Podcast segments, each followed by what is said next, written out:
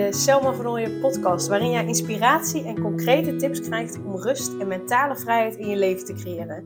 Mijn naam is Selma van Ooyen en ik help ambitieuze moeders die zich opgejaagd voelen en verlangen naar overzicht en rust. Ik help hen overzicht en rust te creëren, zodat hun kinderen zo lang mogelijk kind kunnen zijn, omdat er thuis veel meer rust is. Heel veel luisterplezier!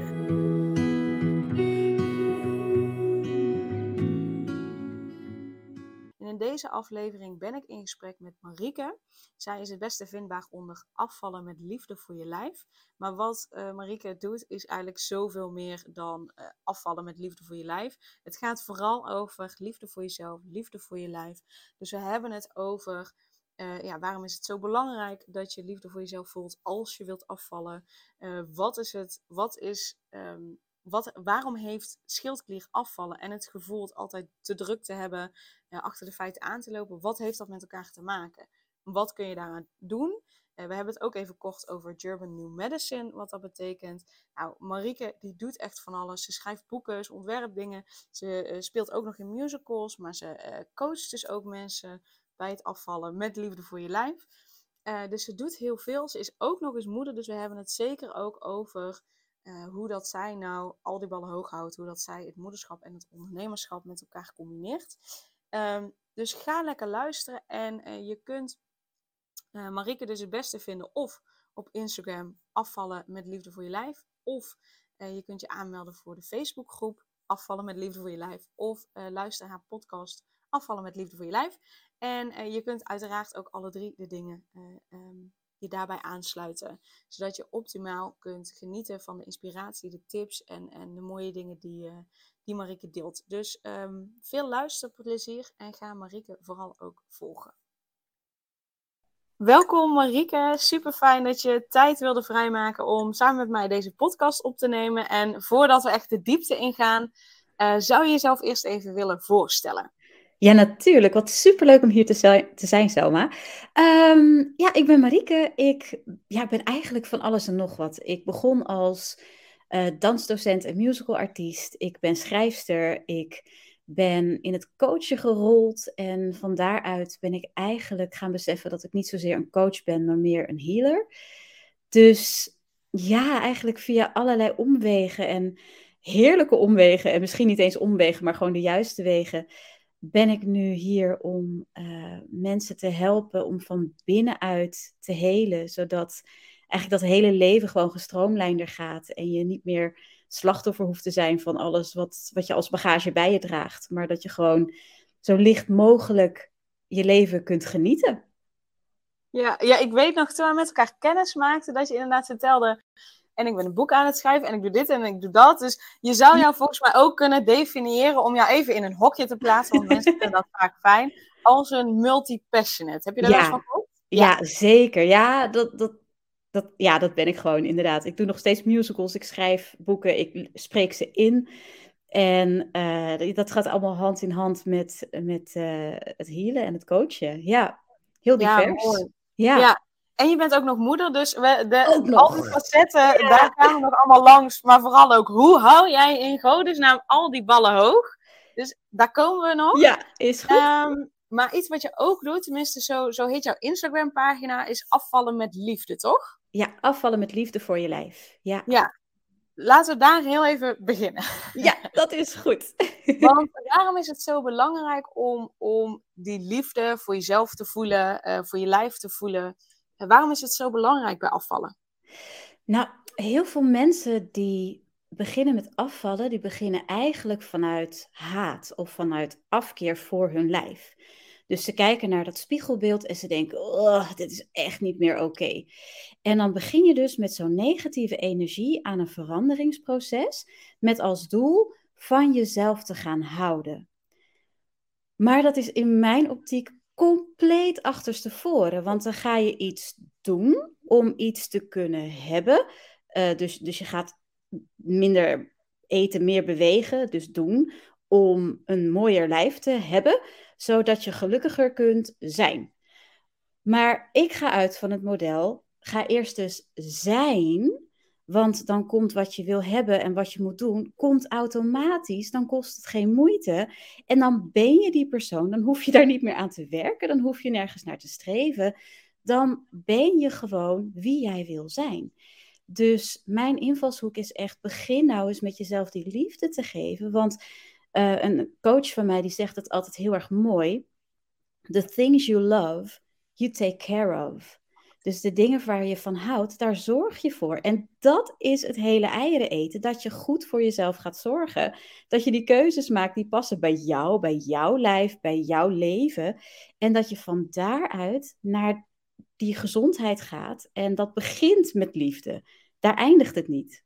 Ja, mooi ook wat je zegt. En ik leg dan meteen de link naar inderdaad wat je zegt van hè, uh, uh, waar je van houdt. Daar ga je goed voor zorgen. Ik denk dan meteen aan uh, al die moeders die luisteren en die kinderen hebben. Je mhm. houdt van je kinderen. Daarom ben je al die ballen hoog aan het houden. Want je wil voor iedereen zorgen. Je wilt voor iedereen goed doen.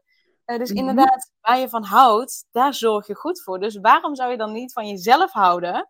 Want dan zorg je juist net zo goed voor jezelf. Ja, en, en het, bijzondere is dat mensen denken dat ze een, een beter mens zijn als ze goed voor andere mensen zorgen.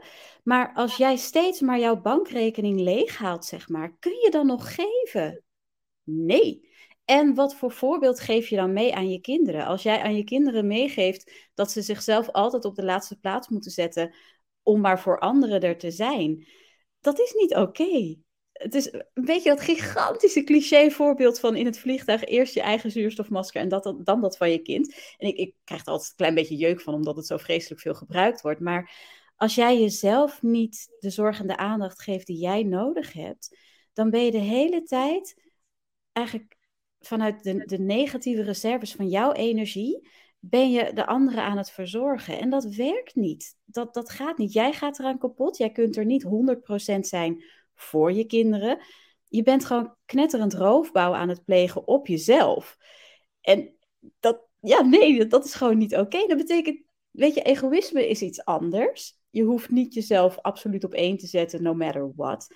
Maar je, je kunt niet geven vanuit een leeg spaarvarkentje. Nee, dat klopt. Uh, als je geld op is, is je geld ook op. En dan kun je wel een lening uh, aan ze, uh, af, afsluiten. Ja. Maar ja, op een gegeven moment komen die ook aankloppen en zeggen: ja, hallo, je moet nog terugbetalen. Ja, we nemen alles van je af, want je kunt het niet betalen.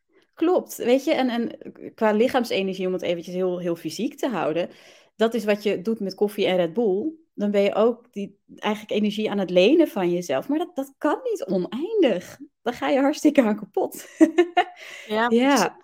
ja. Ja, mooi ook. Mooi hoe je dat omschrijft. Dus nog even op een andere manier. Want het is, dat is denk ik een van de grootste thema's van mijn podcast. Inderdaad. Ja. Oh, zorg alsjeblieft goed voor jezelf. Hou alsjeblieft van jezelf. Want dan kun je nog zoveel meer geven dan dat je nu al doet. Dus ja. Wil je zoveel blijven kunnen geven en, en wil je eigenlijk meer geven dan je nu kunt en dan je nu doet, ja, dan heb je gewoon echt eerst aan jezelf te geven. Dus, Klopt. Ja, je moet eerst dicht bij jezelf staan en, en inderdaad in je kracht staan voordat je die kracht kan weggeven. En als je vanuit die disbalans wil weggeven, dan raak jij nog verder uit balans en dan val je om.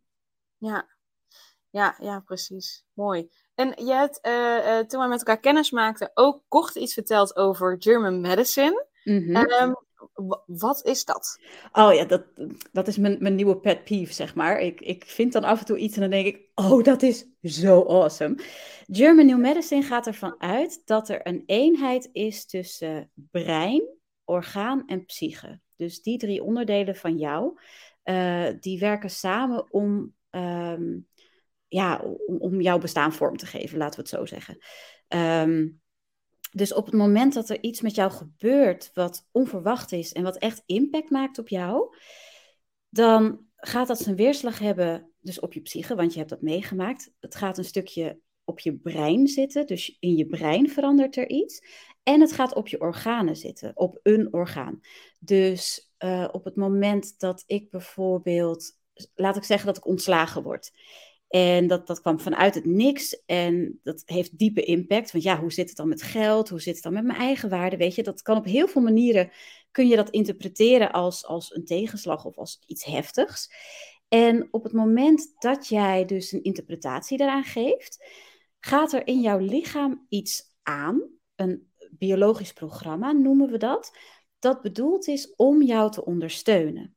Dus stel je voor dat ik hierdoor uh, me heel erg zorgen maak over of ik nog wel genoeg geld binnen ga krijgen, dan um, om het even te vertalen in de oertijd, want dit zijn hele oerprincipes. Dus we vertalen het altijd terug naar uh, hoe zou dit zijn als ik een wild dier was of wat dan ook. Uh, dan kan het bijvoorbeeld zijn dat je het gevoel hebt dat je achter je eten aan moet en dat je, dat, dat, dat, dat je geen eten hebt om te verteren, zeg maar. En dat kan dan dus gaan slaan op je verteringssysteem. Dus dat je maagklachten kunt krijgen of darmklachten. En German New Medicine is heel uniek in de zin van dat elke klacht die jij hebt aan je lichaam, dat kan heel specifiek worden gelinkt aan zo'n gebeurtenis, aan zo'n zo'n traumatisch, en traumatisch is dan heel breed, hè? aan zo'n traumatisch iets, waardoor we jouw klachten kunnen verklaren, waardoor jij ermee kunt dealen op een diep psychisch niveau, dat je het kunt loslaten, waardoor ook je, je lijf niet meer in die, die, die modus zit van oh jee, oh jee, oh jee. En het, het mooie is dat ehm, de klachten zich pas openbaren meestal als het conflict eigenlijk al is opgelost. En in, ons, ja, in onze maatschappij, in onze wereld, zien wij de klachten als het probleem. Dat zien we als, oh mijn god, er is nu iets mis. Ik heb pijn. Ah, wat is hier aan de hand? En dan ben je eigenlijk al jezelf aan het devalueren, zeg maar. Omdat je denkt, oh jee, er is iets mis met mij, want ik heb pijn. Maar vanuit German New Medicine zeggen we, nee, die pijn komt pas op het moment dat je aan het genezen bent. Dan is de oplossing is er al geweest, de stressfase is geweest. En nu kan je lichaam ontspannen, kan jouw lichaam helen. En dan komen pas die klachten. En de logica daarachter, die, uh, nou ja, heel simpel. Als jij weer even terug naar de oertijd, wordt achterna gezeten door een sabeltandtijger, dan heb je echt geen tijd om die pijn te voelen. Dus die stressfase, die geeft meestal geen klachten. Er zijn een paar uitzonderingen, maar de meeste stressfases geven geen klachten. Die komen pas achteraf. En um, bijvoorbeeld ook als je sport, als je een flinke workout doet, tijdens het sporten kun je misschien wel merken van, oh, ik word een beetje moe en oh, dat is best wel pittig. Maar de pijn, de spierpijn, komt pas later. Maar als jij spierpijn hebt van een workout, dan denk jij niet, oh mijn god, er is iets mis met mij. Je denkt, oh, ik heb goed gewerkt. Ik ben echt flink aan het herstellen hiervan. Maar dat geldt dus eigenlijk voor alle dingen die we hebben, dat we dat mogen gaan zien als, hé, hey, ik ben iets aan het herstellen, er wordt weer iets opgebouwd. En ja, die klachten die horen daar dan bij, dat is heel vervelend, maar als je dat doorziet, hoef je daar dus ook niet meer bang voor te zijn. Dan kun je dus ook gewoon eens, ja, weet je, in het voorbeeld van, van die misselijkheid, kun je misselijk zijn en denken, oh hé, hey, ik ben aan het helen. Oh, hé, hey, ik heb iets opgelost, wat fijn. En dan haal je dus al de extra stress eraf. En dat scheelt al heel veel voor je gemoedsrust en voor je gezondheid. En uh, dan hebben we ook nog dat je in een hanging healing kan zitten. Een soort, soort voortdurende healing. Want ja, wij mensen zijn gewoon veel te intelligent eigenlijk voor onszelf. Dat is eigenlijk niet handig. Wij kunnen heel makkelijk blijven hangen in, in onze stress, zeg maar. In herbeleven van wat er mis is gegaan. Erover piekeren, erover nadenken. Uh, ook op het moment dat je zo'n traumatische ervaring hebt, wordt er een soort van snapshot gemaakt van wat er dan allemaal speelt. Dus als je toen toevallig heel veel uh, granen had gegeten en het gaat op je, op je verteringssysteem zitten, dan kan het zijn dat bij elke keer dat je granen eet, dat jouw lijf weer een seintje krijgt van pas op, gevaar, er gebeurt hier iets. En dat je dus blijft hangen in die misselijkheid of in een intolerantie voor iets. Of weet je, er, zit zoveel meer achter dan wij denken. En we zijn best wel een soort van gewend om uh, ja, aan die symptomen te denken als, oh, ik ben allergisch voor iets of er is iets chronisch mis met mij. Maar dat hoeft dus helemaal niet zo te zijn. En uh, ik zelf heb bijvoorbeeld een pijn van meer dan 13 jaar, dat ik eigenlijk dagelijks had en, en waar ik echt gewoon tegenaan liep, heb ik genezen hiermee. Ik heb gezien dat dit een hanging healing was. En ik heb doorzien wat ik mocht loslaten en, en wat ik mocht accepteren en wat ik in mijn verleden mocht laten om zonder pijn verder te gaan. En nou jongens, ik viel bijna van mijn stoel toen ik dat toen ik dat ja, voor elkaar kreeg, zeg maar. Het, en ook zo simpel. Het was een sessie van 20 minuten die ik zelf deed met een audiohypnose van mijn docent, zeg maar. En ik dacht, wat de... Oh mijn hemel. Maar 20 minuten, jongens, waar hebben we het over? 13 jaar versus 20 minuten? Hoe dan? En ik, ik wil wel toegeven, ik zit natuurlijk al langer in, in, in de personal development en in dit soort dingen. Dus ik heb wel wat voorsprong gehad. Maar dat betekent dat het ook voor anderen mogelijk is. En misschien dan niet in die 20 minuten, maar in een paar weken tijd kunnen we zoveel doen. Ja, ja, ja mooi. Wauw. Ja. ja, als je verder kijkt dan alleen maar naar de symptomen. En als je kijkt naar waar komt het vandaan? Waarom houdt mijn lichaam dit nog vast? Waarom laat mijn lichaam dit nog niet los? Ja. Dan uh, ja, kan uh, vaak zien we zeg maar iets, iets helen, iets transformeren, iets loslaten als zoiets ergs en stressvol. Mm -hmm. Als je het Maar op het moment dat je het heel mooi, zoals jij het zegt, ombuigt naar: hey, wauw, oké, ik ben iets aan het oplossen, ik ben iets aan het opruimen, ik ben iets aan het helen. Dank je wel dat dit mogelijk is. Dan haal je daar inderdaad de stress al af. En dan, hè, zoals jij het omschrijft, als je dan net ja, het op deze manier aanpakt, dan, dan hoeft het niet zo'n struggle te zijn. En dan Precies. Ja, hoeft het niet zo hard werken te zijn. Klopt. En als je inderdaad kunt accepteren dat, uh, dat, dat je lichaam altijd voor je werkt, zelfs in erge gevallen komt het alsnog voort uit een wens van jouw lichaam om jou te ondersteunen. Jouw lichaam houdt onvoorwaardelijk van jou. Om nog even terug te komen op afvallen met liefde voor je lijf ook. Onvoorwaardelijk. Jouw lichaam doet alles om jou te steunen. Maar als je dan inderdaad in zo'n hanging healing zit of in angst of in afwijzing of in er is iets mis met mij, dan gaat het dus mis. En dan krijgen we dus van die ernstigere dingen, die inderdaad wel echt, dit is geen doktersadvies of vervanging voor doktoren, echt niet. Maar ik, ik zou het zo mooi vinden als dit een, een lijn erbij wordt om mensen op die manier van alle fronten uit te kunnen genezen. Dus niet alleen vanuit de normale moderne geneeskunde, wat echt, echt nuttig is en ook, je moet er niet zonder willen. Maar die tweelaagse flow, zeg maar, die tweelaagse aanpak. Ik denk dat we dan als, als, als mensheid gewoon zoveel beter en fijner in ons vel zitten. En dat dat zo'n impact zal hebben op hoe wij met elkaar samenleven en op gewoon het algemene geluk en de gezondheid van mensen. Ja. Ja, zeker. Het zou mooi zijn als, als ik noem het, ik schaar het heel even onder alternatieve gezondheidszorg, mhm. maar dat de alternatieve en de reguliere gewoon veel beter nog met elkaar samenwerken. Dat zou, ja. uh, dat zou fantastisch zijn. Ja, ja, zeker. En je hebt ook um, uh, de vorige keer nog iets verteld over de schildklier, afvallen en het gevoel dat je altijd druk bent en achter de feiten aanloopt. Ja, ja, ja.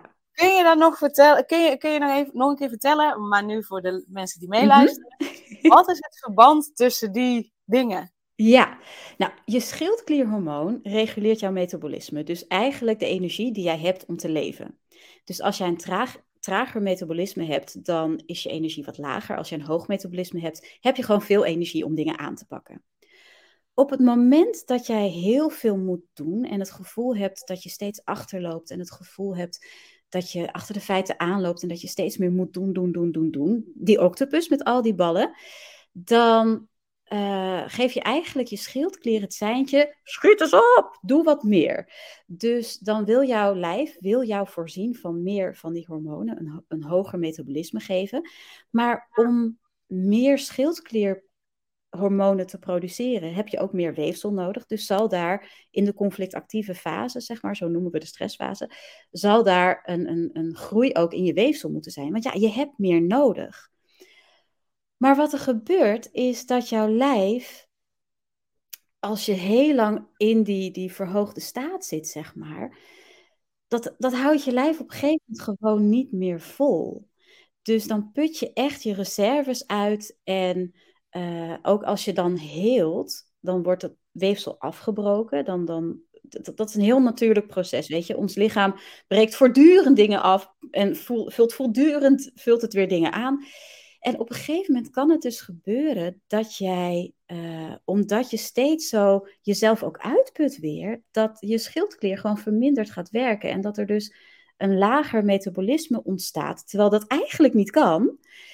En dat is het moment waarop je dus ehm, het gevoel hebt meer te moeten gaan eten, meer energie nodig hebt. En uh, ook, ook dat, dat die verwerking gewoon niet meer helemaal goed zit. En dan is overgewicht echt een hele reële optie, omdat je gewoon uit balans bent. En dat is wat ik met heel veel mensen met overgewicht ook zie gebeuren. Dat ze zulke hoge eisen stellen aan zichzelf. En ja, heel lelijk. Ik, ik, ik bedoel dit niet knetterend feministisch of zo, maar wij vrouwen hebben gewoon nog een achterstand in te halen. Of uh, zijn geneigd, omdat we zo van nature zorgen voor onze kinderen en zorgen voor het gezin en voor het huis en voor dit en dat. Zelfs als je de, de taken deelt, vermoed ik dat een vrouw van nature daar gewoon dieper induikt dan een man. No offense.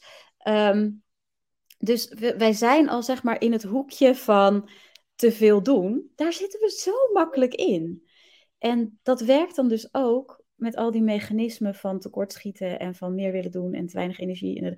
We werken wat dat betreft eigenlijk overgewicht en moeite met afvallen in de hand, omdat we zo gewoon in elkaar zitten. Zo zijn we gewired, zeg maar. En ehm, op het moment dat je dat kan doorbreken, op het moment dat je weet, oké, ik heb acht ballen die ik in de lucht wil houden. Ik ben dan wel een octopus, maar ik kan niet zo goed jong leren. Ik mag ook af en toe een bal neerleggen. En ik mag inzien dat die red race waar ik mezelf van onderwerp, dat dat misschien voor mij niet het allerbeste is. Waar kan ik andere keuzes maken? Waar wil ik mijn aandacht naartoe laten gaan? Ben ik niet al gewoon goed genoeg? En dat is een van de kernvragen. Wanneer ben je goed genoeg? Ja. En ja, voor heel veel mensen ligt die lat hoger. En dan als ze in de buurt van die lat komen, voelen ze eigenlijk dat het nog steeds niet goed genoeg is. Want ja, Joost mag weten wat het eigenlijk betekent, goed genoeg zijn. En dan leggen ze die lat gewoon nog een stukje hoger. Gaan ze nog meer ballen de lucht in gooien, of nog hoger, of nog sneller. En ja, het, het put ons gewoon uit, jongens. Het is niet oké. En dat is een beetje het geheim dat ik heb leren kennen. Je zei al, Marieke, wat doe je achterlijk veel? Klopt. Maar ik weet ook wanneer ik mijn ballen moet neerleggen. Ik weet ook wanneer ik gewoon even rust pak. Ik weet ook dat, uh, dat ik op een bepaalde manier functioneer. Dat ik mijn dag op een bepaalde manier begin om gewoon de hele dag in die flow te kunnen blijven. Maar als ik die flow even niet heb, dan ga ik niet trekken aan mezelf. Dan ga ik mezelf niet duwen. Maar dan denk ik, oké, hey, ik merk dat er even weinig energie is. Dat mag ook we mogen ook even geen energie hebben. Dat is oké. En ehm, heel veel vrouwen denken: oh mijn god, er is iets mis met mij, want ik ben moe. De. Ehm, dus dan kan je maatregelen nemen om op een andere manier ermee om te gaan, op een andere manier ernaar te kijken. En inderdaad, zoals ik zei, bewust die ballen even neer te leggen. Ze hoeven niet allemaal tegelijk in de lucht. Dat gaat niet. Dat gaat echt niet. En uh, weet je, zo, zoals als je, als je kind van de trap valt, zo, dan kun je alles laten vallen, maakt niet uit. Je bent bij je kind. Dus je kunt best ballen laten vallen. Ja, het kan wel, alleen denk je soms dat het niet kan. Maar op het moment dat het nodig is voor je kinderen of zo, ja, dan doe, dan je, doe je het meteen. Precies. En, en meestal, tenzij je een of ander beroep hebt waar je inderdaad mensen moet redden, maar meestal vallen erbij geen doden. En heb, je hebt gewoon zoveel meer ruimte dan je denkt. En we bouwen onszelf helemaal vol en in om te voldoen aan een of andere maatstaf die we niet eens goed gedefinieerd hebben. Dus ja. Heb, je, heb je dan één tip waarvan je zegt van nou, dit helpt mij echt heel erg om in de ochtend of juist net gedurende de dag ervoor te zorgen dat ik inderdaad genoeg energie blijf houden? Heb je daarvoor in ieder geval één tip die je zou kunnen geven? Ja, zeker. Ehm, wat ik zelf doe, is ik begin mijn dag voordat mijn gezin begint. En dan neem ik echt even de ruimte voor dingen die mij voeden. Dus niet zozeer als in eten, maar in, in spiritueel opzicht, zeg maar. Dus wat ik elke ochtend doe, ik geef mezelf elke ochtend reiki. Dus ik behandel mezelf elke ochtend. Dat doe ik gewoon in mijn bed. Dus mijn wekker gaat vroeg. Ik heb een hele leuke wekker die begint met: Hey, wake up. En dan wordt mijn man niet wakker, maar ik wel, want ik ben erop afgestemd. Dus ik begin met mezelf energetisch alignen met mezelf, zeg maar. En vervolgens ga ik uit mijn bed en dan uh, doe ik eerst een meditatie of een hypnose. En dat hoeft echt niet lang te duren. Dus echt niet dat je 20 minuten, 30 minuten weg hoeft te zijn. Uh, het kan ook wel zijn dat je uh, bijvoorbeeld een, een, mooi liedje opzet van drie minuten en dat je gewoon ademt en dat je tijdens je inademing tegen jezelf zegt: Ik hou van mezelf. En bij de uitademing laat je alle shit los die dan boven komt, want dat is wat er meestal gebeurt. Totdat je geen shit meer hebt om los te laten en dan zeg je gewoon: Dankjewel tegen jezelf. Drie minuten. Drie minuten even die diepe ademhaling, het liefst wat langer uitademen dan inademen. Iets zeggen wat jou ondersteunt. En die kun je gewoon de hele dag kun je die ook toepassen. Ik, ik doe hem ook wel eens middags, doe hem wel eens avonds. Um, dus op die manier weer even terugkomen bij jouw kern, bij wie jij bent. En voor mij is het persoonlijk ook heel fijn, want ik hou natuurlijk van schrijven, om gewoon even te journalen. Gewoon vijf minuutjes. Ik heb een, een, een journal ook speciaal daarvoor ontworpen, waar je de maanstand, als je dat wil, in kwijt kunt. En het kaartje, als je elke dag zo'n spiritueel kaartje trekt of zo, om even dat kaartje erop te schrijven. Een planningje te maken van, oké, wat verwacht deze dag van mij? En gewoon eventjes terug te keren in jezelf, om vanuit die innerlijke kracht en vanuit jouw energie vervolgens die dag in te gaan. Want als jij begint op hetzelfde moment dat ook de kinderen wakker worden, je man aandacht vraagt of, of ook je telefoon, hou hem alsjeblieft even op slaapstand of op vliegtuigstand als jij begint, dat je niet meteen het leven in wordt gezogen. Want als jij nog niet gekalibreerd bent op jou, maar je gaat meteen wel al in regelmodus en weggeven en al dat soort dingen, ja, dan begin je dus al vanuit de nul. Dan heb je al een gigantische handicap meegekregen en dan ga je die golfwedstrijd gewoon niet winnen. Dus dat, dat is mijn tip, om echt af en toe gewoon even terug te keren in jezelf. En dat heeft geen tien minuten nodig. Dat is geen, geen, geen zweverig iets. Dat is alleen al gewoon even terugkeren in het hier en nu. Het verleden even loslaten, de toekomst even loslaten. Hier ben ik, nu, ik adem, ik ben even met mezelf bezig. Ik voel even wat ik nodig heb op dit moment. En ja, soms is dat, oké, ik heb het nu nodig om dit werk te gaan doen en rammen. Gewoon knallen, head down en gaan met die banaan. Of nee, ik ga nu eerst even 10 minuten wandelen, want dan ben ik weer vers, dan ben ik weer fris. En dan haal ik die 10 minuten lopen weer in, omdat ik gewoon veel sneller en efficiënter en beter werk. Is dat dan jouw geheim tussen aanhalingstekens om al die ballen in de lucht te kunnen houden of een keuze te kunnen maken van hey, deze bal laat ik nu even vallen? Ja, ik denk het wel. Om gewoon vanuit mezelf en ook vertrouwend op mijn intuïtie en, en mijn behoeften en, en wat er daar allemaal mee samenhangt, om van daaruit te vertrekken. En ja, ik kijk naar wat heeft de wereld van mij nodig, maar ik kijk eerst naar, oké, wat heb ik van mezelf nodig om te kunnen zorgen dat ik aan de wereld kan geven. En soms komt dat heel mooi overeen, soms ook niet. En dat is ook helemaal oké, weet je? En, en ja, jezelf op één zetten wat dat betreft. Uh, dat, dat kan al met, met, met 10 minuten per dag. Kun je jezelf al op één zetten en heb je al een hele andere energie. Dus het, het, is ook niet dat je, dat je een tijdslurper hoeft te zijn. Of dat je, dat, je, dat je acht uur per dag bezig bent met jou om maar in alignment te komen. En dat je daarna denkt, oh ja, elf. Nou is mijn dag weg. Eh, nee, het, het kan heel klein zijn als jij het vanuit intentie doet en met de wetenschap, deze tijd is van mij, die mag ik gebruiken zonder schuldgevoel of wat dan ook.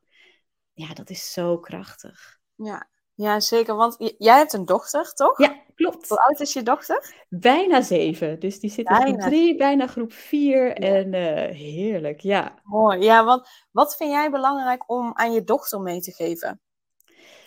Uh, dat ze de ruimte mag nemen voor zichzelf. Dat zij belangrijk is. Dat ze. Het is een beetje een, een dubbel ding. Want aan, het, aan de ene kant wil ik haar, haar individualiteit meegeven. En dat ze goed is zoals ze is, dat ze uniek is, dat ze daar altijd op mag vertrouwen en dat ze uit mag gaan van zichzelf.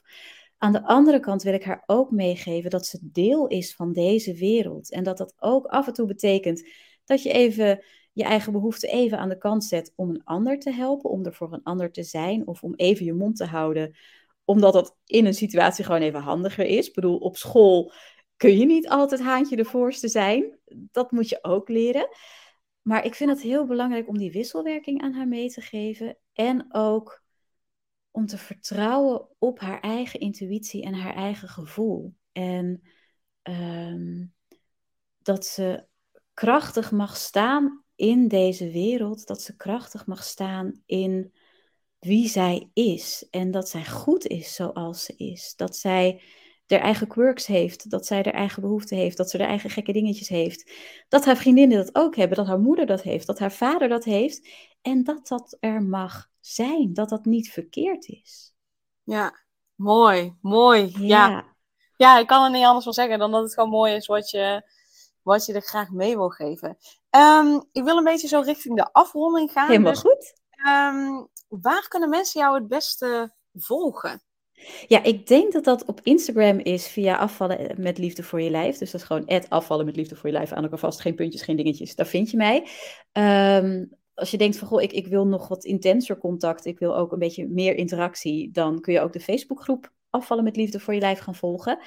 Ehm, ik zeg er meteen bij dat, dat inderdaad, het heet afvallen met liefde voor je lijf. Maar ook als je niet wil afvallen. Ik weet ook iemand die niet afvalt, maar die de podcast bijvoorbeeld, ook afvallen met liefde voor je lijf, uh, de podcast gebruikt om, om zich te inspireren. En ja, dat gaat niet over afvallen, maar zij, uh, zij gaat bijvoorbeeld ook um, meedoen met volgens mij een soort, of een marathon of Olympische Spelen of zo voor, voor de, de, de uh, brede gender community, zeg maar. Voor de, ik, ik ga die, na, die, letters ga ik echt verbasteren, maar de, de LGBTQ, dat, dat, sorry jongens, dat is niet met opzet, maar het zijn voor mij gewoon te veel letters om netjes achter elkaar te zetten.